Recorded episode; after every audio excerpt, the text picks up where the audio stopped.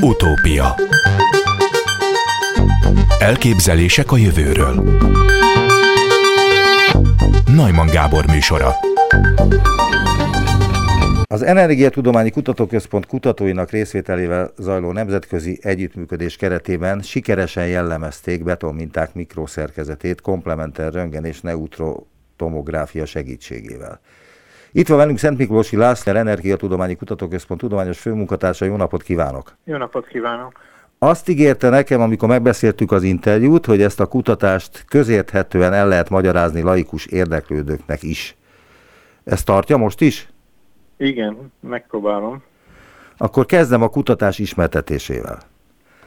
Noha önmagában sem a röntgen, sem a neutrontomogram nem alkalmas a beton mikrostruktúrájának teljes leírására, a két sugárzásfajta által feltárt egymást kiegészítő információk összevonásával, valamint fejlett képszegmentálási zajcsökkentés és képregisztrációs technikák alkalmazásával a pórusok, illetve az agregátum és cement pasztafázisok sikeresen szétválaszthatók, még akkor is, ha az agregátum többféle ásványból áll. Eszem egyelőre ennyi.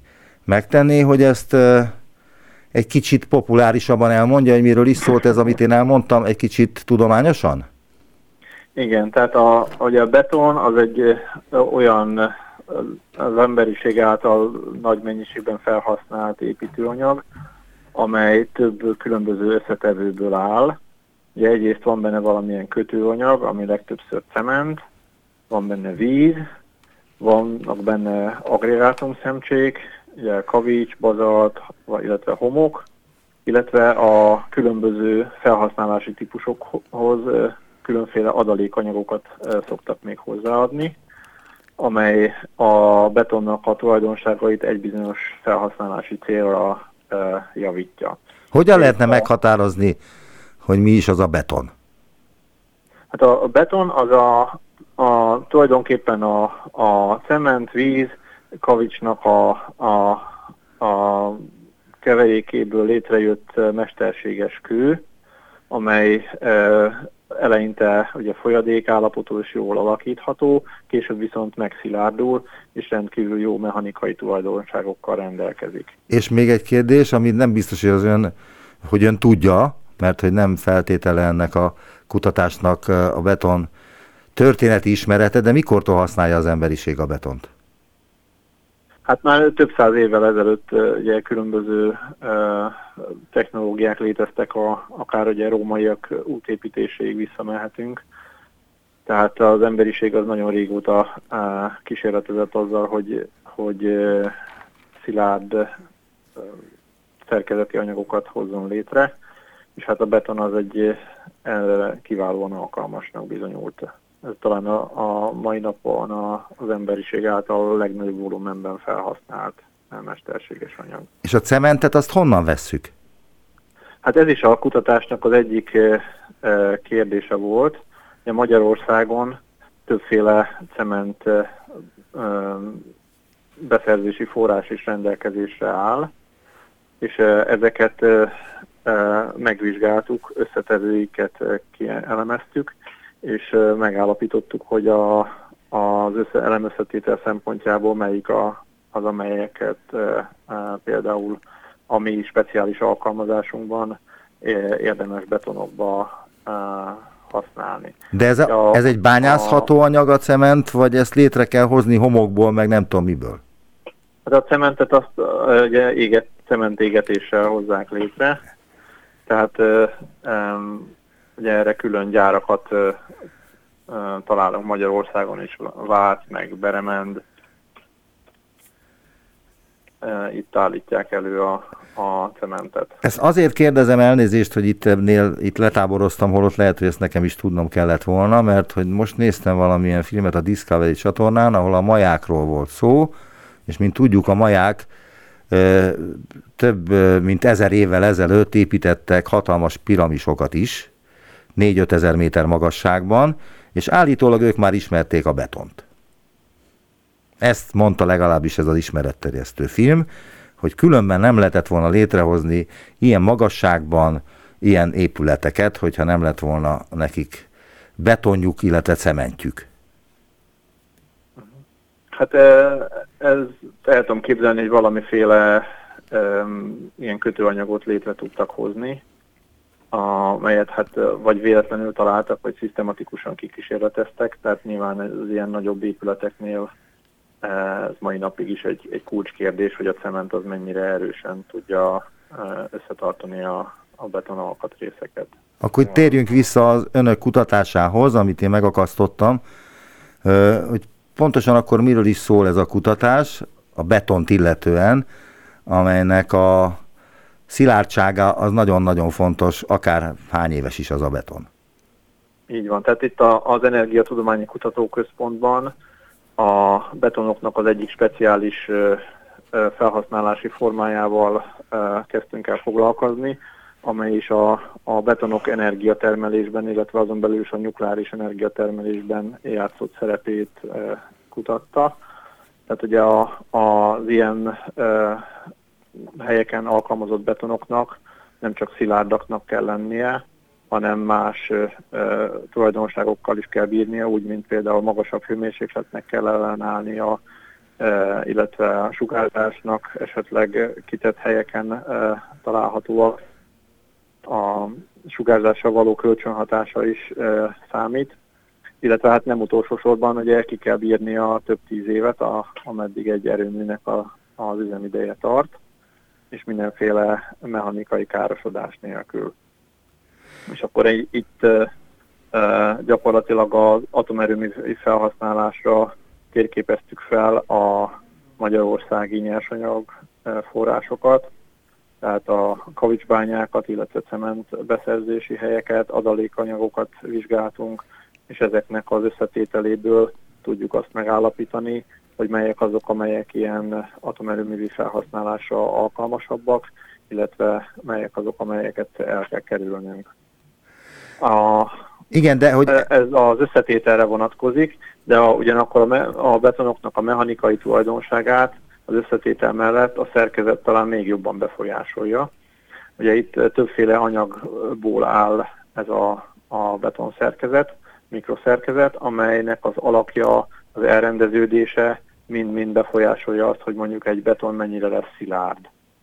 Tehát És ezzel a... a technikával, amit önök kifejlesztenek, vagy kifejlesztettek, nem tudom, hogy milyen időt használjak, a, hát ez még fej, fejlesztés, fejlesztés alatt áll, tehát éppen fejlesztik.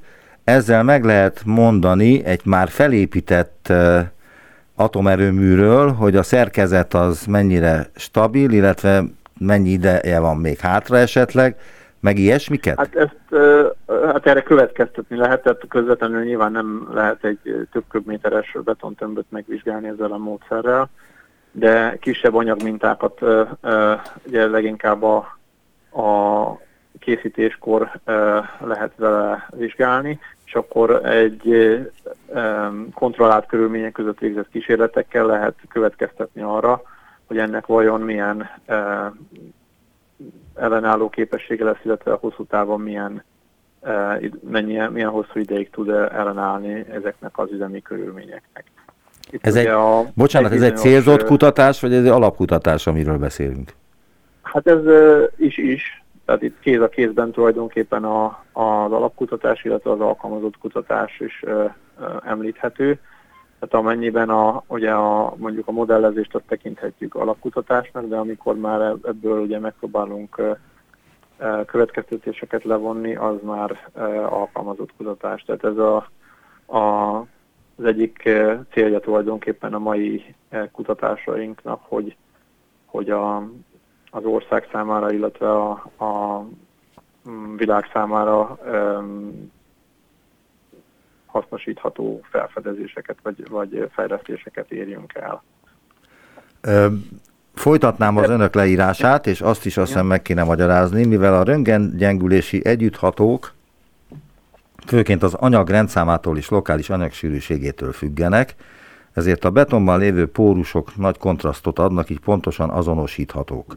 A neutronsugárzás komplementer jellegéből fakadóan meglehetősen érzékenyen mutatja meg a röntgensugarakkal nem látható hidrogén tartalmú komponenseket. Ez olyan, mint ha egyszerre használnánk egy CT-t és egy MRI-t egy embernél? Hát igen, ez elég hasonló ahhoz. Tehát ugye amikor az ember elmegy az orvoshoz és készül róla egy melkasröngen, akkor egy ilyen fekete-fehér képen leképezzük tulajdonképpen a, az ember belső szerkezetét, ugyanis, hogyha elmegyünk egy komputertomográfos vizsgálatra, ott ez a szerkezet ez nem csak két dimenzióban, hanem három dimenzióban is rendelkezésre áll. Na most ugyanilyen vizsgálatokat tudunk csinálni szilárd élettelen anyagokra is eh, a anyagtudományi kutatások céljából. Eh, itt is a, a röntgentomográfia az egy bevett eh, vizsgálati módszer a, a betonminták analízisére. Viszont a kutatóközpontunkban, a Budapesti Neutron Centrum keretében rendelkezésre áll egy ennél sokkal ritkább anyagvizsgálati módszer is, amely neutrontomográfiának neveznek. Itt szintén egy háromdimenziós leképezést tudunk végezni, tehát a tárgyról körülbelül 100-200 mikron felbontású képet tudunk elérni, csak úgy, mint a röntgen esetében. Viszont itt a, a különböző sugárzás nemeknek az anyaggal való kölcsönhatása különbözik, tehát a látott kép az különböző részleteket fog kiemelni, illetve elrejteni. A röntgensugárzás az sokkal érzékenyebb például a, a sűrűség különbségre, tehát a, a légbuborékok, az árványok azok e, jobban láthatóvá válnak, míg a neutronsugárzás a hidrogén tartalmú anyagokat jeleníti meg erősebben. Aha. És ezzel a, a két módszerrel, hogyha ugyanazt a mintát vizsgáljuk, és ezt a két képkészletet egymásra vetítjük, akkor együttesen sokkal több információt levonhatunk belőle, mint hogyha külön-külön egyiket vagy másikat tekintenénk csak. És ebben a, a kutatásban az volt a, a, az újdonság, hogy a szilárdtest mechanikai számításokat a koreai kollégák egy olyan mikroszerkezeten tudták elvégezni, amelyet közvetlenül a képalkotásból kapott adatokkal e, alkottak meg. Tehát ahelyett, hogy egy, egy homogén anyagnak tételeznénk fel a beton belső szerkezetét, e, lehetővé vált az, hogy külön e, pici térfogatelemekre felbontsuk a, a vizsgált térrészt, és ebben a, a vizsgált e, pici térfogatelemnek e, anyagot rendeljünk hozzá, és ahhoz persze anyagi jellemzőket is rendelhetünk. Tehát ilyen módon a számolások alapjául tulajdonképpen egy teljesen realisztikus számítási modellt sikerült elkészíteni, amelyel utána az a várakozásunk, hogy rövidebb idő alatt, illetve pontosabb eredményeket kaphatunk a, a belső feszültségre, illetve igen, na most konkrétan hogyan lehetne ezt elmagyarázni, hogy ez az új diagnosztika milyen felhasználási lehetőségeket kínál? Tudom, hogy a tudósoknak nem dolga, hogy abban gondolkodjanak, hogy, hogy amit, kuta, amit kutatnak, azt hogyan lehet felhasználni a, gazda, a gazdaságban, de ebben az esetben talán indokolt lehet, hogy ez mire való. Hát ez ugye a, a, a számításoknak a végcélja az az lehetne, hogy nagyobb léptékű beton tartószerkezeteknek a méretezését, illetve a, a statikai számításait pontosabbá tehessük, ami hát természetesen minden, az élet minden területén nagyon fontos, nem csak a, a nukleáris energiatermelésben, és ehhez járulhat hozzá ez a számítási módszer, amelyet a, a lengyel, illetve dél-koreai kollégákkal közösen kidolgoztunk. Itt a, nyilván, hogyha ha pontosabban tudunk egy ilyen beton tartószerkezetnek a, a teljesítő képességéről nyilatkozni numerikus számításokkal, akkor esetleg a biztonsági ráhagyás az csökkenthető, és ilyen módon mondjuk anyagtakarékosságot érhetünk el, bizonyos tartószerkezeteket könnyebbé tehetünk, vagy olyan szerkezeteket lehet biztonsággal megtervezni, amelyeket eddig alak miatt nem tudtak megbízhatóan kezelni. De már meglévő építményeket is meg lehet vizsgálni ezzel a technikával, nem?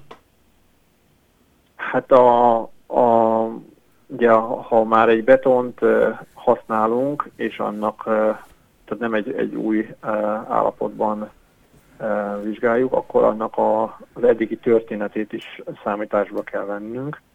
Tehát figyelembe kell azt venni, hogy az eddigi élete során a beton milyen környezeti hatásoknak volt kitéve, hőmérsékletre gondolok itt esetleg magas hőmérséklet, vagy kültéren például fagy. Világos, de én arra gondolok, hogy de én arra gondolok elnézést, hogy a szavába vágok, hogy például egy hidat meg lehet -e nézni, hogy tart-e még. Egy atomerőműnek a építményét meg lehet nézni, hogy még elegendő-e arra, amire szükség van a tartás, tehát a beton tulajdonságaival kapcsolatban. Módszerek, amiket mi e, itt használtunk, azok viszonylag kisméretű mintákra valók, tehát egy ilyen pár centiméteres e, hasábot képzeljenek el a rádióhallgatók. Tehát azt el tudom képzelni, hogy mondjuk egy nagyobb hídból mondjuk kivágnak egy kisebb darabot, és akkor azt ilyen módszerrel meg lehet vizsgálni. De egy teljes hidat mondjuk pont ezzel a módszerrel szerintem jelen pillanatban nem tudunk még megvizsgálni. Pont azt akartam kérdezni, hogy egy ilyen kutatást ezek szerint akkor a lengyelekkel és a dél-koreaiakkal közösen végezték el ezt a kutatást? Igen, igen. Tehát a, a, mondjuk ilyen hídléptékben eh, végzett eh, kutatásokra is vannak példák, például Japánban, igen. ahol teherautóra lehet eh, elhelyezni egy, egy ilyen sugárforrást, és a, a, meg a híd alá mondjuk benyúló a karon egy, egy szenzort, és akkor ahogy a teherautó végig megy mondjuk a híd szerkezeten, akkor ott láthatóvá válnak esetleges repedések, de ez nem konkrétan a, a mi kutatásaink terméke, hanem ez egy ettől független vizsgálati módszer. Önök ezt a kutatást elvégezték, ezek szerint kisméretű beton elemekkel, és mikor kerülhet ki ez a technológia az építőiparba, ha már technológiává alakul? Hát itt ö, ö, kapcsolatban vagyunk már ö, magyarországi partnerekkel, akikkel hát vizsgáljuk ennek a, a hasznosíthatóságát a gyakorlatban.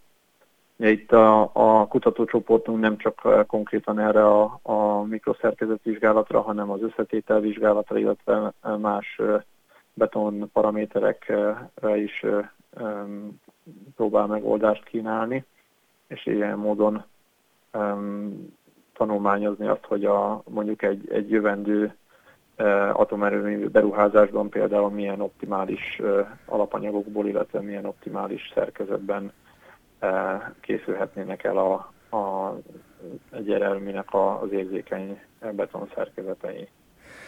Akkor most egy kicsit váltanék témát, mert úgyis a beszélgetés vége fele tartunk, és én megnéztem az ön kutatási területeit, és néhány kérdést tennék föltenni ezzel kapcsolatban. Mit jelent az, hogy in situ katalízis mérés? Hát az in situ az ugye azt jelenti, hogy a működés közben. Igen, igen. A katalízis pedig azt jelenti, hogy egy anyagot átalakítunk egy másik anyaggá, egy harmadik anyag segítségével, amely ezt az átalakítást ezt megsegíti, elősegíti, vagy pedig um, szelektívebbé teszi. Aha.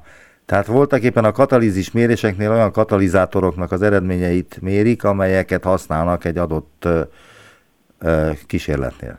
Tehát a, az, ugye a vegyi gyár, gyártásban vagy anyagok előállításánál sokszor van az, hogy, hogy egy bizonyos kémiai átalakulást szeretnénk elérni, és a mellékreakciókat pedig elnyomni, vagy azoknak a mennyiségét csökkenteni, és ilyenkor alkalmasak leginkább ezek a katalizátorok, amelyet a folyamat végén vissza tudunk nyerni, és újra fel tudunk használni. Tehát a katalizátor maga nem változik meg a, a folyamat során, csak segít bennünket abban, hogy a kívánt végterméket kaphassuk a, a kémiai átalakulás során. Mit jelent az, hogy Monte Carlo szimulációk? Monte Carlo szimuláció az egy olyan számítógépes eljárás, amikor nagyon komplex folyamatokat véletlen számok segítségével próbálunk meg leírni. Itt például a, a sugárzás és az anyag kölcsönhatásában ugye elemi kölcsönhatások lépnek fel az anyaggal, és akkor ezeket bizonyos valószínűségekkel ki tudjuk sorsolni, mint egy rulettkerék, és akkor a nagyon nagy számú ilyen számítógéppel elvégzett sorsolás végeredménye az matematikailag belátható, hogy nagyon jól fogja közelíteni a valóságot. Tehát ilyen technikával le tudunk írni olyan jelenségeket, vagy olyan geometriákat, amelyeket egyszerű egyenletekkel nem tudunk kezelni, mert túlságosan komplexek ehhez. Viszont számítógépek segítségével, nagy számú véletlen részecske útjának a nyomon követésével lehetőség van arra, hogy ezeket a bonyolult problémákat is megválaszoljuk. Végül megkérdezném, hogy mi az a roncsolásmentes elemanalízis?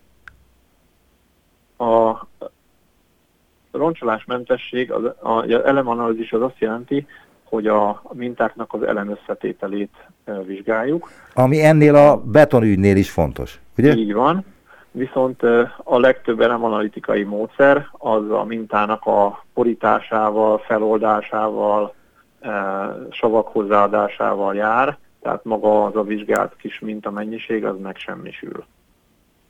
És a mi módszereink viszont lehetővé teszik azt, hogy a mintákat ö, eredeti állapotukban vizsgáljuk meg, mindenféle minta előkészítés és megmintázás nélkül, és ilyen módon sértetlenül visszaszolgáltassuk a tulajdonosuknak.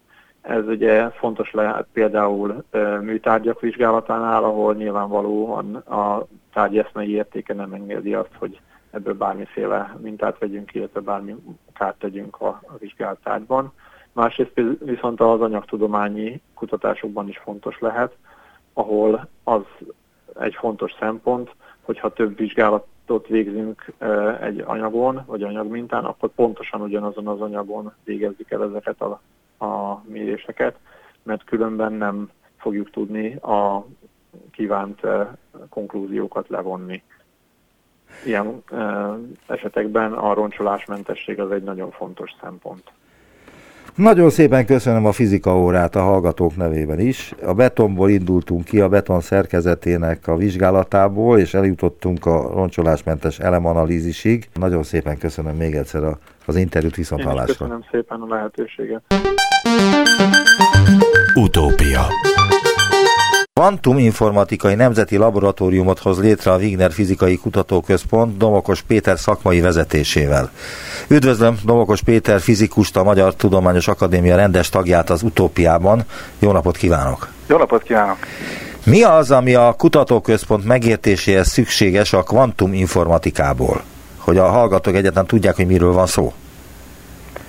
A kvantuminformatika az egy viszonylag új terület, amelyik a most lép át a tudományos kutatás megalapozásából a, az alkalmazások elterjedésének a világába, tehát már számos olyan eszközt lehet most is kapni, amelyik kihasználja a kvantummechanika nagyon furcsa törvényeit, és olyan feladatokat olyan módon old meg, amelyre a eddigi, korábbi, amit mi klasszikusnak nevezünk, tehát a klasszikus fizika, fizikán alapuló eszközök nem voltak képesek. A kvantuminformatikának a kulcsfogalma a kvantum bit, ami a, ugye a klasszikus informatikai bitet, a 0-1 lehetőségeket általánosítja, és hasonlóképpen, ahogy a az informatikának a megszokott világunkban ugye alkalmazásai vannak a kommunikációban, meg a számítástudományban, ugye leginkább ezek azok a területek, ahol az informatika megjelenik. A kvantumos bit, a kvantumos információ is a kommunikációban, illetve a számítástudományban hoz teljesen új alkalmazásokat. Elolvastam a cikkét, amit elküldött nekem, a kvantummechanikától a kvantum technológiáig címűt, de nem állítom, hogy képes lennék levizsgálni belőle önnél. Megkérhetném néhány alapdolog tisztázására? Itt a kollégáimat megkérdeztem, hogy mit szólnak ehhez, tegyék föl ők is a kérdéseiket, viccből kérdeztem persze, de ők azt se tudták, hogy mi az a kvantum. Mármint, hogy meghatározni, definiálni. Hogyan lehetne érthetően definiálni, hogy mi az a kvantum. Értem. Hát az, hogy mi az, hogy kvantum, az, az egy nyelvi dolog. Ne, ne azt próbáljuk meg definiálni, hanem arra emlékeztetném a hallgatókat, hogy valamikor az iskolába tanulták azt, hogy az atomoknak furcsa a szerkezete, amit tehát nem, nem olyanok, mint egy kis bolygórendszer, ahol a bolygók a nap körül keringenek, tehát az elektron nem úgy kering az atomok körül, hanem, hanem ezt a világot egy, egy nagyon, egy más mozgástörvények, más törvények írják le, és ez a kvantummechanika. Körülbelül 50-100 évig tartott annak a nagyon alapos megértése, igazolása, hogy a kvantummechanika törvényei azok tényleg érvényesek, és a, ezt, a, ezt, a, ezt a világot, tehát azt tartott körülbelül száz évig, hogy most akkor ezeket a törvényeket már ne csak megfigyeljük, ne megfigyelői legyünk megértői, hanem hogy kezdjük el használni, tehát mit találjunk ki olyan koncepciókat, olyan kis gépeket, amelyekben az alkotó részek ezen furcsa törvények szerint vis, viselkednek. Elnézést. a furcsa törvényre csak annyi, a, igen. Azt csak adtam csak kérdezni, hogy ön azt mondja, hogy ezek furcsa törvények, vagy másmilyen törvények érvényesek a kvantum világban, mint a rendes nagyvilágban. Igen. Erre akartam most egy példát mondani. Ja, ezt akartam, hogy, hogy tud-e példát hogy, mondani Igen, ezt akartam ugye az, hogy, hogy amikor például, ha onnan elindulunk, amitről már talán sok hallgató hallott, hogy az elektron azt így felhőnek szoktuk nevezni, tehát hogy valahogy így egy ilyen elkent objektum az atomok körül, az azt jelenti, hogy egyszerre sok helyen lehet. Ezt szuperpozíciónak nevezzük. Tehát azt, hogy a, bizonyos állapotok, amiket lehetővé tesz a természet, hogy megvalósuljanak, akkor arra is lehetőség van, hogy ezek egyszerre valósuljanak meg. Ezekben egyidejűleg, ezt a szaknyelven szuperpozíciónak nevezik, szuperpozícióban legyen a rendszer. Tehát az itt is vagyok, meg ott is vagyok, ez az a nagy furcsaság, amit nem tudunk elképzelni, hiszen a mi makroszkopikus világunkban ilyet soha nem tapasztalunk. Tehát, hogy az nem lehet, hogy, hogy egy macska él is, meg hal, meg, meg, meg is van, meg, meg van halva, ez egyszerre nem lehet, ez a híres Schrödinger macska paradoxon. Tehát ezért e, e, volt nehéz elfogadni, hogy hogy mégis valahol, hogyha nagyon-nagyon apró részekre vágjuk az anyagot, és eljutunk arra a szintre, ahol már atomok vannak, meg elektronok, ott azért ez, ez, való, ez, ez a lehetőség, ez van. A Schrödinger macskája paradoxon az tulajdonképpen mit bizonyít? A Schrödinger macskája paradoxon az csak rávilágít arra, hogy, hogy ennek a szuperpozíciónak, ami a mikroszkopikus világban van, hogyha valami, egy mérési folyamat során ezt fel, megpróbálnánk felnagyítani az általunk közvetlenül észlelhető világra, akkor egy abszurditáshoz vezet. Ennek a feloldása, hogy miért van az, hogy eltűnik ez a szuperpozíciós lehetőség mondjuk egy macska esetében, az egy hosszú folyamat volt, amíg ezt, és, és sokan még ma, ma, is, ma is gondolkodnak azon, hogy valahogy még lehet, hogy lehetne ezt még jobban megérteni. Ez a kvantummechanika méréselméletének a, a paradoxona, vagy a kvantummechanika méréselméletének a területe. Ez, ez igazából szerintem mára már eléggé jól lehet érteni, hogy, hogy ha elindulunk az elektrontól, kis, vagy kis molekuláktól, ott még látjuk ezeket a interferenciákat, szuperpozíciókat, és egyre nagyobb lesz a, a, az az objektum, egyre több kölcsönhatásban vesz részt a környezetével, akkor ez a törékenyé válik ez a, ez a szuperpozíciós lehetőség, és eltűnik. Viszont azokban a, az alkalmazásokban, amiket most a kvantuminformatika ígér, azokban ezeket igenis kihasználjuk, ezek, ezt a szuperpozíciós lehetőséget, tehát itt olyan eszközökre kell gondolni, amelyekben a nagyon pici objektumokat, tehát atomi szintű objektumokat kontrollált módon használunk, kontrollált módon tudunk velük dolgozni. Ezek mint egy nagy gépben a fogaskerekek, tengelyek, csavarok, a, ezekben a kis ö, kvantumos eszközökben pedig az alkotó részek, ezek a kis, ö, de jól kontroll, kontrollálható objektumok, egyedi atomok, molekulák, vagy kis félvezető darabkák, amelyekben, azért, amelyekben viszont még él ez a szuperpozíciós lehetőség, és ezt ki tudjuk aknázni. Tehát a szuperpozíciós állapot az csak egy bizonyos szintig érvényes, és ez mi ez a szint? Tehát, hogy, hogy meg... Ez egy nagyon érdekes kérdés. A, be is vezettek egy fogalmat erre, tehát ugye azt úgy, úgy beszéltek erről a tudósok régebben, hogy van a mikroszkopikus világ, akkor a, abban a kvantummechanika törvényei uralkodnak, és van a makroszkopikus világ, a, a, ahol meg a klasszikus fizika törvényei, amiket mi is észlelünk, és hogy hol van a határ, ezt nehéz megmondani, és bevezették azt, hogy van egy ilyen mezoszkopikus, egy ilyen közbülső tartomány. Vannak olyan kutatók, akik arra törekednek, hogy minél nagyobb objektumokon kimutassák ezt a, az interferencia lehetőséget. Pillanatnyilag a, a rekord az egy olyan molekula, aminek több mint ezer atomból áll, tehát ez egy nagy fehérje, ftalamin az a neve, nagy fehérje molekula, és ezt képesek voltak szuperpozíciós állapotba hozni, amit úgy lehet bizonyítani, hogy a kétréses kísérletben, tehát egy, egy nyalábban ráküldenek egy, egy ernyőre, amin van két rés, és a két résből kiinduló elemi hullámoknak az interferenciáját ki tudták mutatni. Ez, ez, ez egy... Tehát, hogy egyszerre mind a két résben ott volt van, ez a molekula. Egyszerre mind a két résen átment végül is ez a molekula, és ezért ez már egy nagy eredmény, mert ez ennek a molekulának a mérete már közelíti mondjuk a mai időkben nagy figyelmet kiváltó vírusoknak a méretét.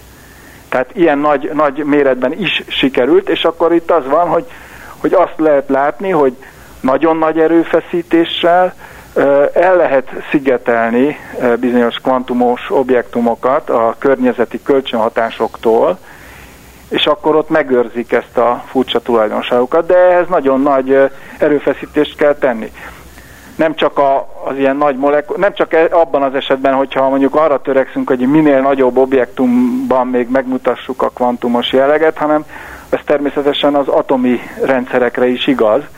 Tehát a kvantum gépek azok mindig egy nagyon különleges környezetet igényelnek ahhoz, hogy tudjanak működni. Tehát függően attól, hogy mi maga a megvalósítása egy gépnek, de vagy nagyon alacsony hőmérsékletre van szükség, vagy nagyon nagy vákumra, hogy a háttér gáz ne zavarjon. Tehát ezek azért mindig egy ilyen nagyon speciális környezetben létező fizikai rendszerek.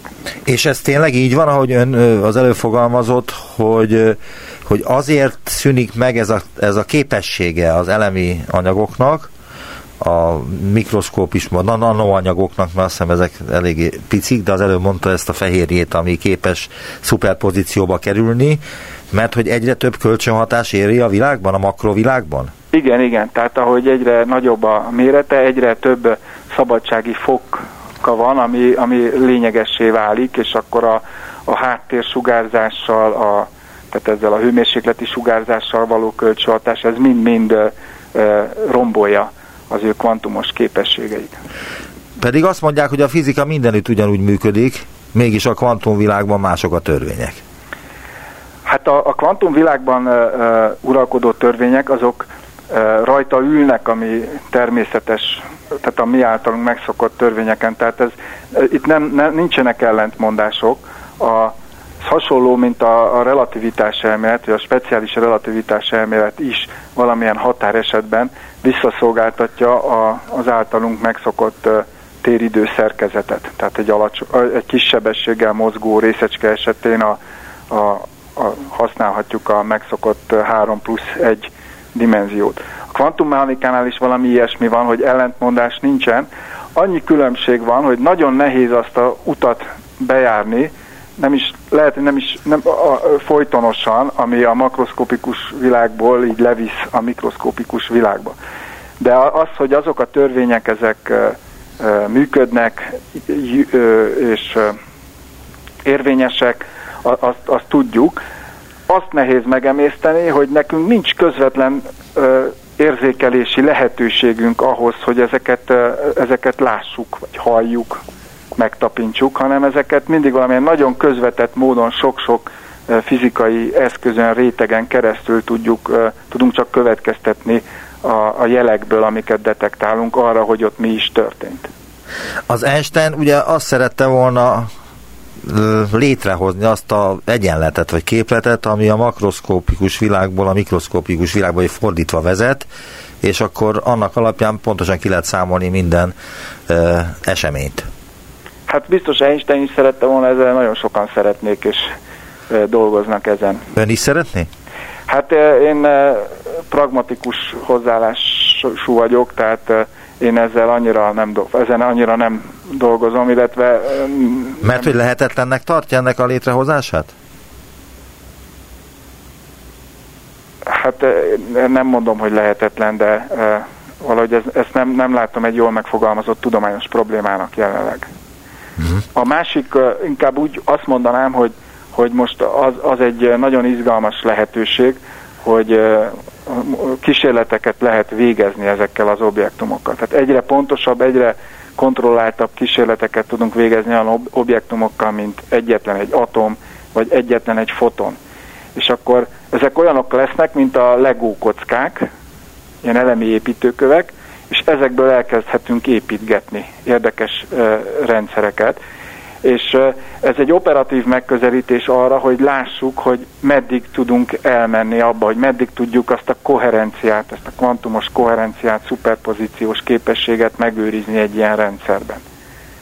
Tehát szerintem most már, ha már egyszer átléptük a határt, akkor azt, azt, az igaz, hogy ez a két világ közötti határ az egy bizonytalan dolog, ott, ott, ott valami furcsaság van, de én izgalmasabbnak tartom most a határ túloldalán vizsgálódni. A most létrehozandó kvantuminformatikai nemzeti laboratórium céljai közé tartozik egy olyan regionális kvantumkommunikációs hálózat létrehozása, amely csatlakoztatható az Európai Unióban tervezett kvantum internethez. Miben különbözik a kvantum internet a hagyományos internettől? Igen, tehát a, egy pár szót mondanék a Nemzeti Laboratóriumról Igen, igen, igen. Tehát ez egy, ez egy konzorciális kezdeményezés, tehát a Magyarországon dolgozó fizikus, villamosmérnök, informatikus közösség együtt próbál stratégiai célokat megvalósítani. A Wigner a, a konzorcium vezetője, de a nagyon nagy erőkkel vesz részt ebben a laboratóriumban a Budapesti Műszaki és Gazdasági Egyetemnek a Természettudományi Kara és a Villamosmérnöki, illetve Informatikai Kara, és az Ötvös Lórán Tudományegyetemnek a Természettudományi Kara és a, a, az Informatika Kara. Tehát ez egy nagyon sok résztvevős nagy kezdeményezés. Az egyik stratégiai célunk valóban az, hogy azt a képességet kialakítsuk Magyarországon, hogy egy kvantumos kommunikációs hálózathoz mi tudjunk csatlakozni.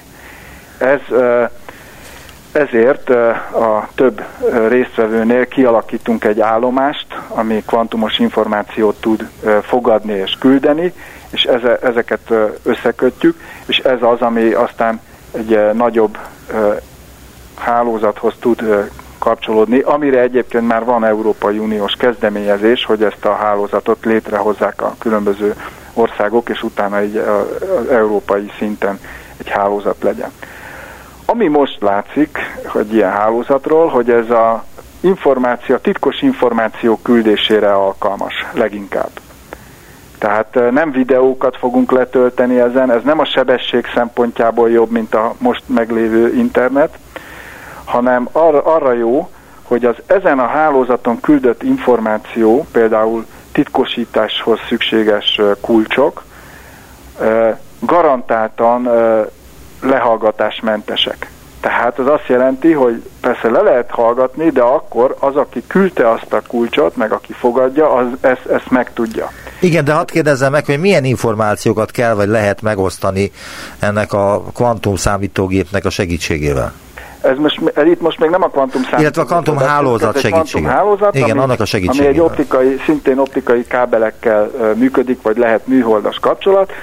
Hát itt legegyszerűbb, a, a lega, tehát az az alkalmazás, ami már most látszik, és amire ezt használják, az az, hogy elküldenek egy bit sorozatot kvantumbitekben kódolva, ami utána egy titkosítási kulcsként használható. Tehát például demonstrációs célral Peking és Bécs között létrehoztak egy olyan Skype beszélgetést, aminek a titkosításához a kulcsot azt egy műholdas kapcsolaton keresztül már kvantumbiteken keresztül szállították. És ez azért lényeges, mert a kvantumbiteknek van egy olyan tulajdonsága, hogyha valaki megméri őket, a mérés az egy beavatkozás a rendszerbe, az a kvantumbit az, az, arról egy kis, az, az megőrzi, tehát azon történik valami változás. És ezért vannak, vannak olyan kriptográfiai protokollok, amelyek kimutatható, hogy valaki azt a csatornát lehallgatta. Tehát ha valaki abszolút biztos akar lenni abban, hogy egy, egy kulcs, az titkos, az tényleg senki nem tudhatja, akkor erre egy kvantumos csatornát lehet használni. Ilyen, ezek az eszközök már kaphatók, több gyártó van, amelyik 8-9 kilométeres távolságban ilyen kulcs szétosztó eszközöket árul, amelyet például bankok vásárolnak meg. A bankfiókok reggel ezen keresztül tudnak kicserélni egy titkosító kulcsot. Aha. De a tudósoknak feltételezhetően teljesen más hálózatra van szüksége. Vagy nem? Hát ez, ez, egy, ez, ez az egész uh, kvantumkommunikációs hálózat, ez, ez a, a, egyrészt ez egy mostan egy tehát ez egy most nagyon sok szempontból egy mérnöki probléma ma már, tehát van, vannak még olyan tudományos kérdések, amiket, amiken dolgozni kell, főleg ahhoz, hogy hosszú hatótávolságon, tehát hosszú távolságokat át lehessen hidalni, de innentől kezdve ez egy kriptográfiai, matematikai, informatikai kérdés. Hát a, nekem, mint tudósnak, a, tehát mondom, ez, ez nem váltja ki azt a csatornát, azt a kommunikációs csatornát, amit most jelenleg használunk, tehát a hagyományos internetet. A kvantum informatikai alkalmazások, például egy ilyen hálózat, az más feladatok megoldására jön létre. Erre mondtam most ezt a példát, ezt a titkosítást. Aha. Amúgy a másik ilyen alkalmazása lehet a szokásos internethez hasonlóan kvantum számítógépek összekötése, tehát hogy kvantum számítógépek tudjanak kommunikálni úgy, hogy közöttük az információ is egy kvantumos csatornán keresztül menjen, de ez, ez, ez még egy icipicit a, a science fiction, tehát azért ez még a jövő e, mutat, míg a, a, mondjuk az előző előbb említett alkalmazás, ez a kvantumos titkosítás, ez, ez már egy létező, egy létező eszköz. Össze lehet-e kötni a hagyományos internetet a kvantum internettel? Hát biztos, hogy, hogy azok a, ez össze is van kötve, mert azok a laboratóriumi rendszerek, amelyekben kvantumos kísérletek folynak, vagy ilyen kvantumos eszközöket építenek, azok, azokban lévő számítógépek be vannak kötve a klasszikus hálózatba. Az, hogy ez mire jó a kettő összekötés, erre én most nem tudok válaszolni. Tehát nem tudom kitalálni. Ez, én, én erre úgy gondolok mindig, hogy ezek nagyon különleges gépek, amelyek más feladatok megoldására lesznek alkalmasak, mint ami, amikre mostani gépeinket használjuk. Biztos, hogy egy szövegszerkesztő az nem, a szövegszerkesztésre nem kvantum számítógépet lesz érdemes használni száz év múlva sem. És mi a különbség a kvantum számítógép és a hagyományos számítógép között? Ismerünk olyan matematikai feladatokat, amelyeket a hagyományos számítógépeken nem lehet megoldani, nagyon-nagyon hosszú ideig tart, míg kvantum számítógépre, kvantumbiteken alapuló rendszerben ki lehet találni algoritmusokat, amelyek ezeket megoldják. Az, hogy Mert hogy gyorsabbak, van nagyobb teljesítményűek? Nem feltétlenül a gyorsaságot használják ki, hanem ezt a szuperpozíciós tulajdonságot, egyfajta párhuzamosságot, ez egy teljesen új paradigmája a számítástudománynak, és ezzel sok-sok matematikus foglalkozik már, hogy akkor itt milyen algoritmusokat lehet írni. A, a közismert és az első nagyon nagy hírt kapott áttörés az a faktorizációnak a, a problémája volt, amit Péter Sor nevű matematikus uh, még 1994-ben megoldott kvantumos algoritmussal, tehát két számot mondjuk jó sok számjegye van, akkor azt össze tudjuk szorozni, mert kockás füzetben megtanultuk, hogyha még a hosszú ideig is tart, akkor össze tudjuk szorozni. Mondjuk két hatjegyű számból, akkor lesz egy, egy 12 számjegyű, 11-12 számjegyű szám. Viszont, hogyha én fölírom azt a 12 számjegyű számot, annak meghatározni egy osztóját, azt nem tudjuk megcsinálni, sőt, egy nagy szám esetén egy komoly számítógépnek is gondot okoz, míg, míg egy kvantum számítógép ezt meg tudja oldani. Tehát meg tudja találni az osztóját egy nagy számnak. Vagy az utazóügynek problémája, hogy mi az optimális bejárási útvonal egy gráfon, tehát különböző városokat összekötnek utak, és melyik az a legrövidebb út, ahol minden várost e, tudja érinteni az ügynök. Ez is egy matematikai értelemben nehéz probléma, aminek az, az optimális megoldására kvantum számítógépek e, tudnak választ adni. Nagyon szépen köszönöm, hogy elbeszélgetett velem, és valamennyire megismertetett minket a kvantum informatikával, illetve ezzel a nemzeti laboratóriummal, ami most készül. Damokos Péter, fizikus, a Magyar Tudományos Akadémia rendes tagja volt az utópiában. Viszont hallásra! Viszont hallásra! Köszönöm szépen! Visszaértünk a jelenbe. Neumann Gábor utópia című műsorát hallották.